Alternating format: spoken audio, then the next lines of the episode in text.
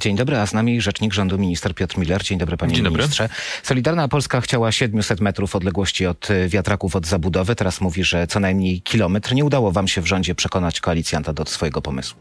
Nie wiem, czy wcześniej chcieli też 700 akurat. e, Zawsze mówili o większej odległości niż ta, która była faktycznie proponowana na posiedzeniu Rady Ministrów. Natomiast ten kompromis, który w tej chwili jest wypracowany, czyli 700 metrów, e, wiem, że jeszcze jakieś dzisiaj poprawki były dyskutowane, liczę, że zostanie zamknięty w tym sensie, że faktycznie na tym posiedzeniu Sejmu ustawa zostanie przegłosowana. Myślę, że dłuższa głosami? dyskusja już tu nie zmieni.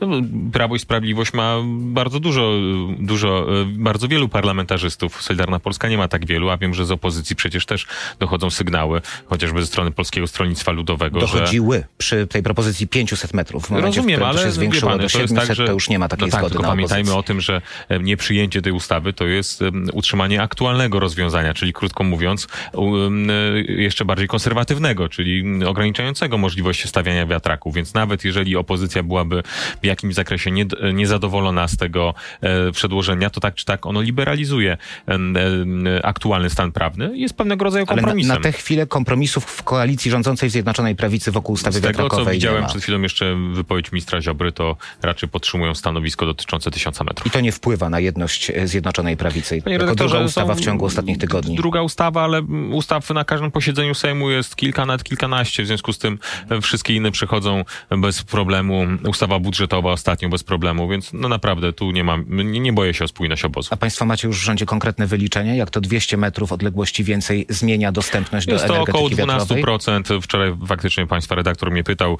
e, to jest około 12, met, o 12% powierzchni kraju mniej więcej wtedy udostępnia się do, do takich, e, e, no, do, do, do budowy wiatraków. Tak, pan mówi o, o, o- wzroście z tej 27. strony, tak. Natomiast y, firma doradcza Ambience y, w Gazecie Wyborczej y, mówi, że to dodanie 200 metrów z 500 do 700 będzie skutkować wzrostem obszaru wykluczonego z energetyki wiatrowej o 44% w całym kraju, przy czym to nie cały kraj może być pokryty Ja rozumiem, panie redaktorze, tylko na koniec dnia, tak czy tak, trzeba e, zawrzeć pewnego rodzaju kompromis. Wiem, że osobom, które budują wiatraki, zależy na tym, żeby te wiatraki można było dosłownie wszędzie stawiać, ale nam zależy na Tak, tym, żeby tylko że tam znaleźć w trakcie dyskusji kompromis. sejmowej pojawił się jeszcze jeden argument, że plany zagospodarowania przestrzennego były przygotowywane właśnie pod to 500 metrów odległości i że teraz zmiana o to 200 Rozumiem. metrów spowoduje wysadzenie tych Rozumiem, planów wiem, że są jeszcze jakieś poprawki chyba dzisiaj w Sejmie, zobaczymy, dyskusja trwa cały czas, e, ale tak jak mówię, 700 metrów nie powoduje, że w Polsce się nie da budować wiatraków, bo niektórzy próbują taką tezę postawić, że prawie nic nie będzie można stawiać, nie jest to prawda. Podpytam jeszcze raz, bo to może być ciekawe głosowanie. Są państwo policzeni? Będzie większość dla tego projektu? Większość dla projektu, jeżeli chodzi o cały parlament, tak. No, w Zjednoczonej Prawicy, tak jak mówię,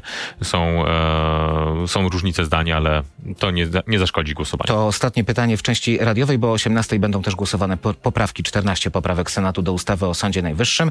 Wy znacie już decyzję, stanowisko prezydenta? E, Prezydenta nie. Pan prezydent czeka na finalny projekt ustawy i nie dziwię się, no bo e, mamy 14 poprawek Senatu, w związku z tym... e, Które zostaną w większości e, odrzucone. Tak, no tak, taka jest prawda. No Natomiast no, muszą projekt, skutecznie być ustawa, przeprowadzone. trafi na biurko prezydenta, był, będzie w, właściwie w tej formie pierwotnej, tej, której Podobna, zaproponował. tak, tak, tak, chyba jest czy dwa- A i Andrzej dwa Duda mówił, że w tej formie jej nie poprze. Nie, nie, sugerował, panie sugerował, że jej nie sugerował poprze. już, No właśnie, bo Tak, to każdy może interpretować to oczywiście jak uważa, natomiast na koniec to pan prezydent podejmuje decyzję i pamiętajmy o tym, że podejmuje też w określonych okolicznościach geopolitycznych, finansowych. Wszystko ma na to wpływ. W związku z tym, e, jaka będzie decyzja pana prezydenta, nie wiem i pan prezydent też nas, nas o tym nie poinformował na tym etapie. Zastrzegł sobie, że do czasu, gdy projekt nie wyjdzie w całości e, z procesu parlamentarnego, to nie będzie podejmował decyzji. To czy te okoliczności zmuszą prezydenta do podpisania tej ustawy? Będziemy rozmawiać z ministrem Piotrem Millerem już w radiu internetowym RMF24. Tam zapraszam.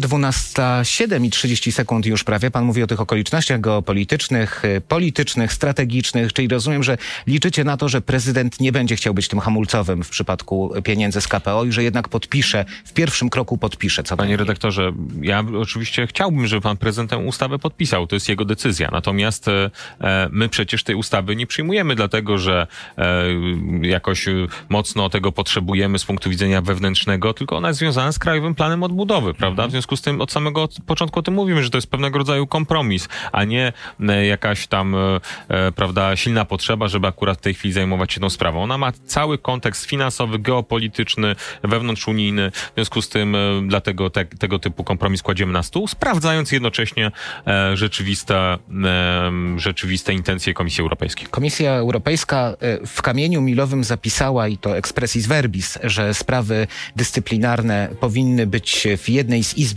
Sądu Najwyższego. Państwo przenoszą te sprawy do Naczelnego Sądu Administracyjnego. Radosław Fogiel, przewodniczący Sejmowej Komisji e, Spraw Zagranicznych, mówił, że pewna jest tylko śmierć i podatki, a w przypadku Brukseli doświadczenie uczy, że trzeba bardzo dokładnie sprawdzać mankiety siadając do stołu. Czyli nadal istnieje to ryzyko, że ta ustawa nie odblokuje środków. Nie, panie redaktorze, akurat nie, nie, nie widzę w tym problemów, e, w czym pan powiedział, bo Sąd Najwyższy rozumiany, e, teraz jakby możemy się trochę legislacją czy ustrojem sądownictwa zająć, jest najwyższym sądem, sąd, po, sąd Najwyższy w sądownictwie Aha, powszechnym, tak- administracyjny, naczelnym sądem, na, na, najwyższym sądem w sądownictwie administracyjnym jest na, NSA, nie ma wyżej w sądownictwie administracyjnym, państwo to tym sensie... zinterpretowali ten kamień milowy jako po prostu najwyższą instancję sądową, tak? Nie No konkretnie jako sąd tak, najwyższy. tak, tak, dokładnie w ten sposób to jest rozumiane. Didier Reinders pisał też do, y, do prezesów europejskich stowarzyszeń sędziowskich list. Ten sam komisarz, który wcześniej sugerował, że, że ta ustawa zbliża do porozumienia w kwestii KPO. Konieczne jest, aby nowe przepisy były zgodne z prawem unijnym. Komisja ocenia skutki i wdrażanie nowej ustawy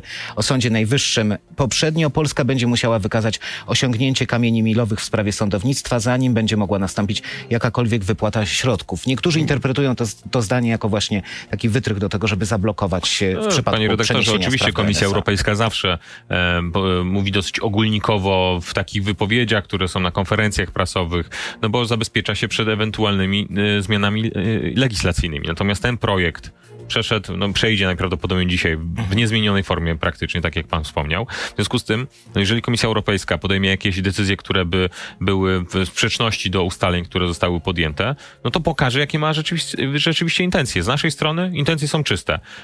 Jest e, e, kompromis, który jest położony na stole, jest głosowany w tej chwili. Jeżeli Komisja Europejska podejmie inną decyzję w przyszłości, no to to już jest e, ewidentna po prostu e, działalność e, taka no, pozamerytoryczna ze strony Komisji. Dziś wieczorem, Byłaby. dziś, Mam nadzieję, że nie dziś będzie. wieczorem po sejmowych głosowaniach będą spełnione te dwa warunki, dwa kryteria, które przedstawiał premier, czyli zakończenie prac parlamentarnych nad ustawą o Sądzie Najwyższym, no i zakończenie pewnego etapu w sprawie ustawy wiatrakowej. Dzisiaj nastąpi wysłanie wniosku o wypłatę. Nie, nie, na pewno dzisiaj nie wyjdzie taki wniosek, ani nawet nie w najbliższych dniach.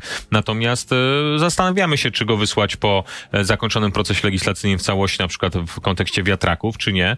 E, czy poczekać na proces legislacyjny Sejmo, jeszcze dotyczący Sądu Najwyższego, bo to jeszcze pan prezydent jednak podejmuje decyzję w związku z tym, czy będzie to przed, czy po podpisaniu ustawy przez pana prezydenta, to to będziemy właściwie od decydować. czego, od czego zależy to, ta zmiana zdań Panie na temat redaktorze, to jest kwestia dynamiki politycznej. Niektóre osoby w Komisji Europejskiej mogą na przykład odbierać tego typu działania jako... Dostajecie z rządu sygnały z Komisji Europejskiej. Jeśli złożycie ten wniosek za wcześnie, to nie będzie wypłaty, Nie, tak? nie I dostajemy dlatego takiego sygnału, ale chcemy mieć jasność, że nikt nie wykorzysta po prostu pretekstu. Bo wie pan, to jest tak, że w Komisji Europejskiej są też osoby, które niestety źle życzą naszemu krajowi i jakby korzystają z każdego pretekstu. Na przykład złożenie wniosku przed może być odebrane, że jeszcze to nie jest w porządku legislacyjnym, w związku z, e, znaczy w porządku prawnym, w związku z tym e, to nie spełnia kryteriów wymówek, cała masa. To może Dlatego lepiej tak tego nie, nie niuansować, tylko powiedzieć wprost w momencie, w którym obie ustawy zostaną podpisane przez prezydenta, dopiero wtedy nastąpi wniosek Dlatego- o płatność, bo tak od kilku tygodni rozmawiamy, trwa To taki prawda, ping-pong, to prawda, kiedy to się natomiast wydarzy. tak, ale to jakby w gruncie rzeczy nie ma o tyle znaczenia, że tak czy tak ocena komisji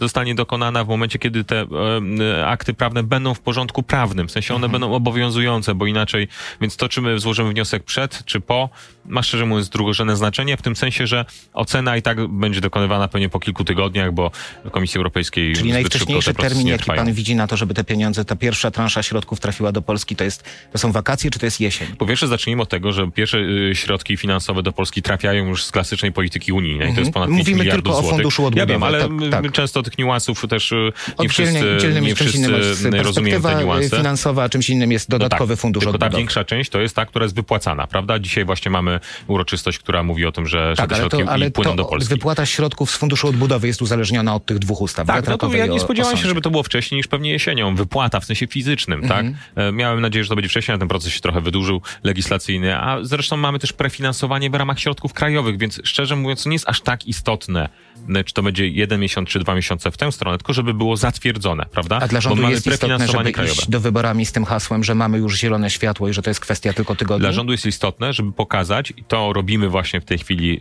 e, organizując ten proces legislacyjny, że zrobiliśmy wszystko, co jest możliwe i ma pewną granicę natury konstytucyjnej, żeby te środki uzyskać. I myślę, że każdy, kto w taki chłodny, rzetelny sposób na to patrzy, widzi, że Polska zrobiła wszystkie możliwe kroki w tym zakresie. A jeżeli by te środki nie były wypłacone, to niestety będzie, niestety to będzie dowód na to, że Komisja Europejska jednak gra bardzo mocno politycznie, a nie merytorycznie. Wrócę jeszcze do tej decyzji prezydenta, bo to ona będzie kluczowa. Czy ta ustawa pojawi się w porządku prawnym, jak, pa, jak pan wspomniał. Na początku, kiedy ta ustawa została złożona, prezydent zgłosił, zgłosił do niej zastrzeżenia, trwała taka ofensywa polityczna ze strony kancelarii premiera. Czy teraz też będą wysłannicy em, kierowani do Pałacu Prezydenckiego, żeby jeszcze raz przekonać Byliśmy Andrzeja w Dudę? kontakcie i myślę, że i pan premier też będzie rozmawiał z panem prezydentem. No jestem tego wręcz pewien. Zresztą rozmawiają regularnie na, te, na różne sprawy związane z, ze sprawami międzynarodowymi, bo koordynują politykę zagraniczną wspólnie, więc mm, oczywiście taka rozmowa będzie miała miejsce, mm, ale tak jak mówię i podkreślam to wyraźnie, e, to jest decyzja pana prezydenta i jego prerogatywa, więc no ostatecznie głos należy do niego. A z ministrem Ziobrą premier się spotyka, rozmawia? Kiedy ostatnio była taka dyskusja? Oczy, oko w oko. Panie redaktorze, szczerze mówiąc nie wiem, nie pamiętam kiedy było ostatni raz. potrzeby decy- też, czy, czy, czy w ogóle Panie strony nie redaktorze, są od tego jest posiedzenie rządu, żeby rozmawiać, jeżeli coś y, różnimy się w zdaniu. Mhm. Tym bardziej wtedy inni członkowie Rady Ministrów też mogą się wypowiadać i wtedy ta dyskusja jest o wiele bardziej konstruktywna. Każdy patrzy ze swojego e, wtedy podwórka, trochę sprawy zagraniczne, Ministerstwo Obrony Narodowej, e, gospodarka i tak dalej. Wtedy ta dyskusja jest konstruktywna. W poniedziałek była narada kierownictwa Prawa i Sprawiedliwości, także z udziałem premiera Mateusza Morawieckiego. Była dyskusja o wspólnych listach z Solidarną Polską, o przygotowaniach do Czy o listach to ja nie wiem, szczerze mówiąc, natomiast generalnie nasza deklaracja jest jasna w tym zakresie. My chcemy iść do wyborów jako Zjednoczona Prawica w aktualnym kształcie, czyli zarówno Prawo i Sprawiedliwość, no bo oczywiście jesteśmy największą partią polityczną, Solidarna Polska, Republikanie, Stowarzyszenie Odnowa, te wszystkie osoby, które są jeszcze em, wspierające nasze środowisko polityczne i jak najbardziej tak. Solidarna Polska potwierdza, że to jest najlepsza taka opcja dla Zjednoczonej Prawicy, żeby pójść razem, ale i z pańskich wypowiedzi, i z wypowiedzi e, polityków Solidarnej Polski no można wywnioskować, że jest taki wentyl bezpieczeństwa w postaci tego, że gdyby bardzo się nie udało porozumieć, to, to jest taka opcja, że pójdziemy oddzielnie. Nie, nie, ja chciałbym, żeby to jasno wybrzmiało. Solidarna Polska jest elementem Zjednoczonej Prawicy i powinna być na naszych listach wyborczych. Ale to zależy od Solidarnej Polski. Od, jej, od jej postępowania, od jej nie, zachowania, no, czy od nie? Mhm. no, od ich chęci przede wszystkim, tak? No jeżeli e, czują się członkami obozu Zjednoczonej Prawicy, to liczę, że będą na naszych listach. Taki I- Jacek Ozdoba, którego, pre- którego, który, któremu minister Moskwa odbierała kompetencje, potem przywracała, który krytykował premiera. On miałby miejsce na liście wyborczej Prawa Panie, i a Sprawiedliwości? dlaczego nie, panie redaktorze? No to jest tak jak z rodziną. No my jesteśmy w, rodziną w obozie Zjednoczonej Prawicy. Jeżeli pan się pokłóci z kimś w rodzinie, nawet czasami mocno, to pan ma ochotę go wyrzucić z rodziny od razu? No to No, tak to są nie takie działa. przykłady, no. że jak się pokłócę z kimś dalszym No, z rodziny, oczywiście. to już nie, nie, nie spotykamy się przez kilka lat Oczywiście święta. może tak być, natomiast y, my jesteśmy partią, która e, stara się tutaj te wartości rodziny nie tylko w ten sposób, ale jeszcze właśnie w polityce próbować łagodzić te obyczaje. Mhm. Kodeks wyborczy, mimo, te, mimo naruszenia tej ciszy legislacyjnej, o której mówi część konstytucjonalistów, prawników, zostanie podpisana i zostanie wdrożona? No taką mam nadzieję. Prace są już na, na ukończeniu. Czekamy na podpis pana prezydenta też. Zobaczymy, jaka będzie decyzja, ale tu nie mam raczej obaw w tym obszarze. Z kodeksem wyborczym to jeszcze chyba czeka na rozpatrzenie przez e, Tak, tak, tak, Senat. tak, ale oczywiście później do pana prezydenta. Tak, no Senat no, to tylko, ja że, wiem że oczywiście, Senat że... wykorzystując 30 dni, no też jakby mimowolnie narusza tę ciszę legislacyjną Panie redaktorze, 6 znaczy miesięcy. ktoś, kto twierdzi, że to, e, że to narusza w jakikolwiek sposób przepisy konstytucji, to mi, wskaże literalnie przepis Nie, konstytucji, nie mówi który o mówi o przepisach to. konstytucji, no, mówi o, o, o pewnej interpretacji wyciąganej z wyroków Trybunału To prawda, Konstytucyjnego. tylko Trybunał Konstytucyjny wywodzi to z Konstytucji, musi mieć przepis prawa, na którym to, e, to buduje i było takie orzeczenie, ale chodziło o istotne elementy kodeksu wyborczego, które wpływają na wynik wyborczy. A na wynik wyborczy może wpływać konstrukcja okręgów wyborczych, em, czyli w jaki sposób są ułożone, może wpływać em, sposób liczenia, czyli metoda Donta, czy nie, progi wyborcze. Na to wpływa na wynik wyborczy, a chyba nie to, przynajmniej mam taką nadzieję, że nikt tak nie twierdzi, że jak więcej obywateli idzie do wyborów, to to jest jakiś, yy, nie wiem, negatywny wpływ na wynik wyborów. Nie, to chyba dobrze, że idą pod tym do kątem wyborów. takim, y, takim bardzo systemowym, tak. Natomiast y,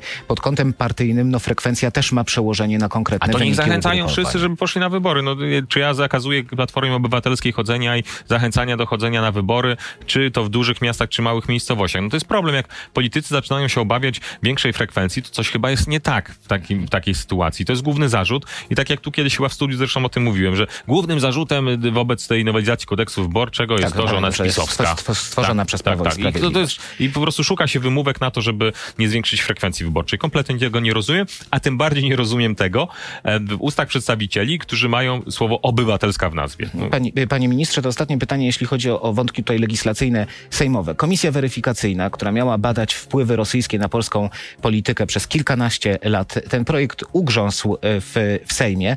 E, Jest jeszcze sens albo jest wola, żeby ten zespół powoływać? Szczerze mówiąc, nie wiem, jaka jest w tej chwili decyzja. Faktycznie ten proces legislacyjny teraz w innych ustawach był ważniejszy. Ustawie Trakowa, Sąd Najwyższy, cała masa innych projektów. E, posiedzenia Sejmu są teraz co miesiąc, więc też to jest rzadziej.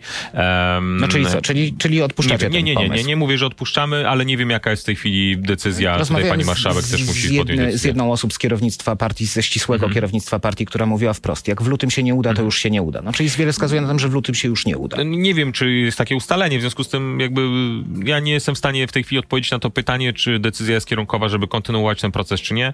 Ja oczywiście życzyłbym sobie, że taka komisja powstała, ona miałaby wiele rzeczy do wyjaśnienia, ale oczywiście też przez opozycję od samego początku, gdy został złożony ten projekt, było to wykorzystywane jako sposób atakowania też nas. No więc Były, taka by- były, też, sytuacja. były też opinie Rzecznika Praw Obywatelskich Marcina Wiązka, były także sugestie z Kancelarii Prezydenta, że uprawnienia tego zespołu, szczególnie te uprawnienia sądowe w zakresie wydawania pewnego rodzaju wyroków są zbyt szerokie. No tak, więc tak jak mówię, no, na ten moment nie, nie jestem w stanie tutaj jednoznacznie zadeklarować, czy te prace będą kontynuowane. Okej, ale też nie ma jednoznacznej Ale nie- ale deklaracji, że, tego, że, że że, że, ta komisja nie powstanie, chociaż y, no, tam był też bardzo określony termin na złożenie raportu y, wstępnego, końcowego. Oczywiście to z- można w toku prac legislacyjnych zmienić, prawda, bo to, to jest nieważne, w sensie to jest ważne oczywiście, żeby to było jak najszybciej, ale z drugiej strony, mm, jeżeli No by tak, się tylko pytanie, przesunęło czy ta komisja by podlegała zasadzie, y, nie podlegałaby zasadzie dyskontynuacji. e, Po, podlegałaby, znaczy nie byłaby, nie podlegałaby zasadzie dyskontynuacji, bo była, jest powołana w ustawie, Przy- w związku z tym jest kompletnie inaczej premiera. niż w przypadku komisji śledczej. Bilety y, PKP Intercity mają stanieć, chociaż stanieć to jest, y, to, to, to jest złudne słowo, mają wrócić do stanu poprzedniego, tego, który był,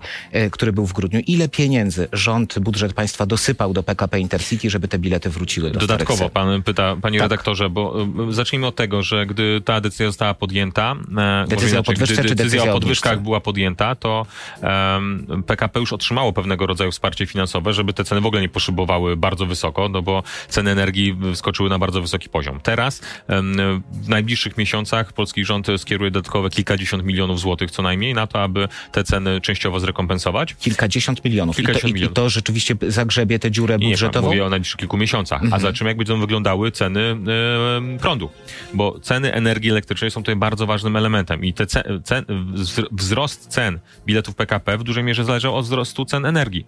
To jest jedna rzecz. Druga rzecz, że em, e, oczywiście my oczekiwaliśmy i pan premier to wyraźnie też powiedział, pewnych działań optymalizacyjnych wewnątrz spółki. I te dwa komponenty, czyli I, I optymalizacja... udało się znaleźć te oszczędności No, no jak widać, według deklaracji, jest tak? taki, że 1 marca ceny wracają do roku poprzedniego. A niech pan przyzna jednak, że w stosunku do tego, że jest inflacja, to e, brak No tak, podwyżek bardzo to jednak ba- jest ważny bardzo- element wsparcia tego sektora. Bardzo mnie zastanawiają dane, bo pan powiedział kilkadziesiąt y, Dodatkowo do, milion- dodatkowo. miliono, dodatkowo milionów złotych. Minister Adamczyk kilku mówił, że, y, tak, że w kilku miesiącach, że to jest, że mówimy o kwocie 575 milionów, która To byłaby mówiliśmy potrzebna. już, bo my mówiliśmy już o środkach, które, e, środki z poprzedniego roku już są zade, e, To inaczej, to, to zadam pytanie inaczej. Jaka kwota została przekazana na rzecz PKP Intercity albo zostanie przekazana w 2023 roku? W Panie redaktorze, to teraz Nie- panu nie- z głowy nie powiem tego, ale to są setki milionów złotych, bo to jest, to, jest to jest bardzo duża kwota, bo sama dodatkowa dopłata do e, podjęta jeszcze w grudniu, czyli Taka listopadzie zeszłego roku, to było rozumiem, ponad tak? 500 milionów wtedy. O- okej, A do tego ja mówię, że jeszcze PKP będą dołożone mówi, że w środki. 2019 wydatki na energię elektryczną, na, na pobór energii dla pociągów wynosiły pół miliarda złotych. W 2023 to jest półtora miliarda złotych. Dlatego jeśli pan mówi o kilkudziesięciu miliardach, Mi- no to to nie jest milionach. ten rząd, milionach, to, to, to tym bardziej Tak, to tak, nie jest tak, ten tak, rząd tak, wielkości. oczywiście, dlatego panu mówię, że mówię o dodatkowym dodatkowych środkach, które teraz wpłyną. Dodatkowych oprócz tego, co już rząd zadeklarował. To było dodatkowe 500 milionów, a wcześniej jeszcze chyba ponad miliard. W związku z tym my mówimy o takich kwotach łącznie, bo pamiętajmy o tym, że PKP e, w ogóle otrzymuje dodatkowe wsparcie z budżetu państwa na swoje funkcjonowanie. Jest przewoźnikiem dotowanym. To nie jest tak, że to są ceny Tak, ja komercyjne. zawsze bardzo żałuję, bo ja bym bardzo chętnie wszedł w dyskusję o tym, jak są dotowane te niektóre połączenia, No, ale to trzeba bardzo było się chętnie zastanowić być może nad ministr- pewnymi zmianami w tym obszarze, ale... Wo- ale rozważacie no. państwo taką demonopolizację nie, rynku? Nie, nie, demonopoli... ale panie redaktorze, teraz każdy, przewoźnicy mogą e, zwrócić się o udostępnienie... Mogą, ale te e, wszystkie wnioski Urząd Transportu nie, Kolejowego w zdecydowanej są, większości. Dwa czy trzy funkcjonują, chyba nie są nawet, nie, chyba nad nie korzystają. zadać słuchaczom pytanie, kiedy ostatnio jechali pociągiem innego przewoźnika Chyba nawet nasz przewoźnicy ci nie korzystają z tego, z tych zezwoleń, mimo że je mają, tak mi się wydaje. A może z jednego co PKP. Intercity to jest jedno, jakby wracając do, do meritum, e, e, a co z przewoźnikami lokalnymi, bo one, oni także podnoszą ceny i mówią, tylko, że panie jedynym ratunkiem mogłoby być obniżenie VAT-u na bilety No panie kolejowe do redaktorze, tylko momencik. No, przewoźnicy lokalni podlegają samorządom. Samorządom wojewódzkim, prawda? Samorządy wojewódzkie też mają swoje budżety i w związku z tym też mogą y, y, robić różnego rodzaju programy wsparcia dla swoich przewoźników. Rząd jest właścicielem przewoźnika krajowego i tego typu wsparcie e, przekazuje. Okej. Samorządowe, samorządowi wojewódcy, głównie przewoźnicy, również takie mogą e, rekompensaty czy dodatkowe wsparcie dotrzymać z, z samorządu. Też mogą podjąć jakieś działania dodatkowe oszczędnościowe. pieniądze z rządu właśnie Ale kierowane momencie, na chwileczkę, bo na koniec dnia to jest tak. Jak jest cokolwiek, co samorząd ma zaoszczędzić sam albo wydać, to zawsze idzie do rządu i mówi, że on chce e, pieniądze od rządu. No to chwileczkę. No, albo samorząd ma swoje dochody i to gigantyczne, tak jak na przykład w Warszawie i je odpowiednio gospodaruje, albo udaje, że ich nie ma i cały czas wyciąga, jakby próbuje e, szukać pieniędzy od rządu, nie szukając u siebie oszczędności. No więc ja zachęcam samorządy wojewódzkie czy inne do tego, żeby poszukać u siebie oszczędności po to, aby przekazać środki na PKP regionalne. Kurczy nam się czas, panie ministrze. Co z ustawą, która miała zabronić y, y, kupo, skupu inwestycyjnego mieszkań zarówno firmom, jak i osobom prywatnym? Na jakim etapie są te prace i w końcu jaki będzie ostateczny kształt Ona jest jeszcze ustawy? nadal w konsultacjach społecznych, w związku z tym e, ostatecznego kształtu ja tutaj nie Ale ona będzie w tej dotykała i zarówno tych inwestorów, nazwijmy ich w ten sposób, jak i osoby prywatne, firmy i Inwestorów, osoby na pe- prywatne? inwestorów będzie dotykała, bo nie chcemy, żeby hurtowo kupowane były mieszkania. A Są osoby takie prywatne, sytuacje. gdybym ja chciał kupić jutro sześć mieszkań, co jest Tak, nierealne, ale gdybym chciał... O tym jest właśnie dyskusja w tej chwili, czy tego typu rozwiązania finalnie e, wprowadzać, czy nie. Argumenty za tym, żeby tak było, są takie, że na przykład jak ktoś ma szóste, siódme czy ósme mieszkanie, prawda, no to e, chodziło tylko o e, Mhm. To konstrukcję kiedy, PCC. kiedy doczekamy efektu tego finału tych Myślę, że to w dyskusji? ciągu kilku tygodni, dyskusji dwóch, trzech tygodni powinno być I, prezydent Zełęński dzisiaj poleciał do e, Londynu, spotyka się z brytyjskimi władzami. Wcześniej był w Stanach Zjednoczonych. E, Mówi się, a właściwie jest już potwierdzona wizyta Joe Bidena w Polsce, prawdopodobnie w okolicach 24 lutego. Prezydent Zełęński też będzie w Polsce? Panie redaktorze, no siłą rzeczy, ze względu na to, że pan prezydent Zełański jest e, szczególnym celem, e, szczególnym celem e, Rosjan, to nawet gdybym miał, posiadał taką dzisiaj wiedzę, to nie mógłbym o niej mówić. Mhm. Ale prezydenta, wizyta prezydenta Bidena jest już w, w, w Tak, to już przygotowaniu. było zadeklarowane ze strony amerykańskiej, minister Przydacz też o tym mówił. Ale to będzie tutaj w Warszawie element, już nie pytam tylko prezydenta Załańskiego, element szerszego spotkania mm, sojuszników Nie ma w Ukrainy, tej chwili czy, na ten moment czy bilateralne ustaleń. Tego nie. Tego na, na, może inaczej. Tego, tego na, ten, na ten moment nie ma takich ustaleń. I o tym wszystkim mówił rzecznik rządu, minister Piotr Miller. Dziękuję, Dziękuję bardzo. ministrze.